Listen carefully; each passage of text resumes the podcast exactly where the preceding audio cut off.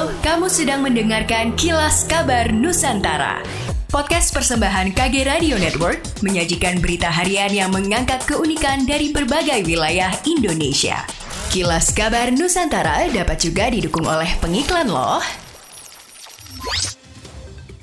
Menyikapi arus balik lebaran, Wali Kota Banjarmasin Ibnu Sina meminta Ketua RT dan Ketua RW untuk mengamati warga pendatang. Ia menginginkan Ketua RT dan RW juga memastikan setiap warga pendatang mempunyai kelengkapan dokumen kependudukan seperti surat perpindahan atau pengantar. Mengingat tak dipungkiri Kota Banjarmasin sebagai kota dagang dan jasa kerap menjadi tujuan warga pendatang baru untuk mencari kerja. Oleh karenanya ia mengharapkan agar semua warga pendatang bisa terpantau oleh dinas terkait dan jangan sampai menimbulkan pengangguran baru.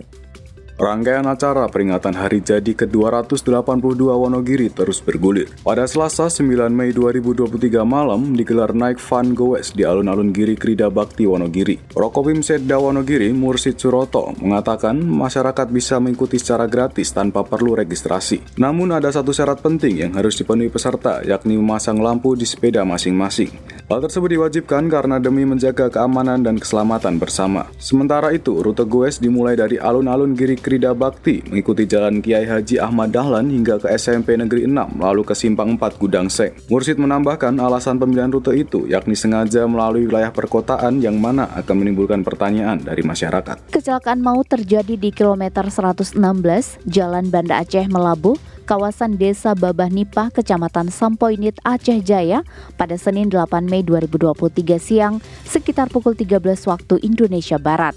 Tabrakan laga kambing antara mobil Toyota Rush dan mobil penumpang atau mopen Kia Pregio itu menyebabkan enam orang meninggal dunia dan tujuh lainnya luka parah.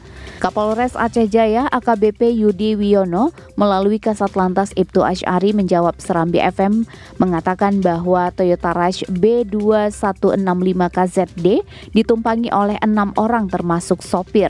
Sementara itu Mopen Kia Pregio BL1894KL ditumpangi oleh 10 orang termasuk sopir.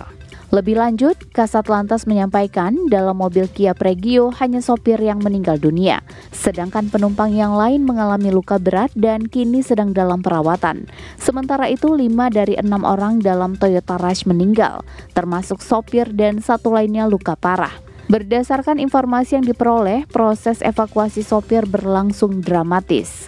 Ahmad Jayanto, saksi di lokasi kejadian yang dihubungi Serambi FM menyebutkan butuh waktu hampir satu jam untuk mengeluarkan korban dari ruang kemudi mobil tersebut.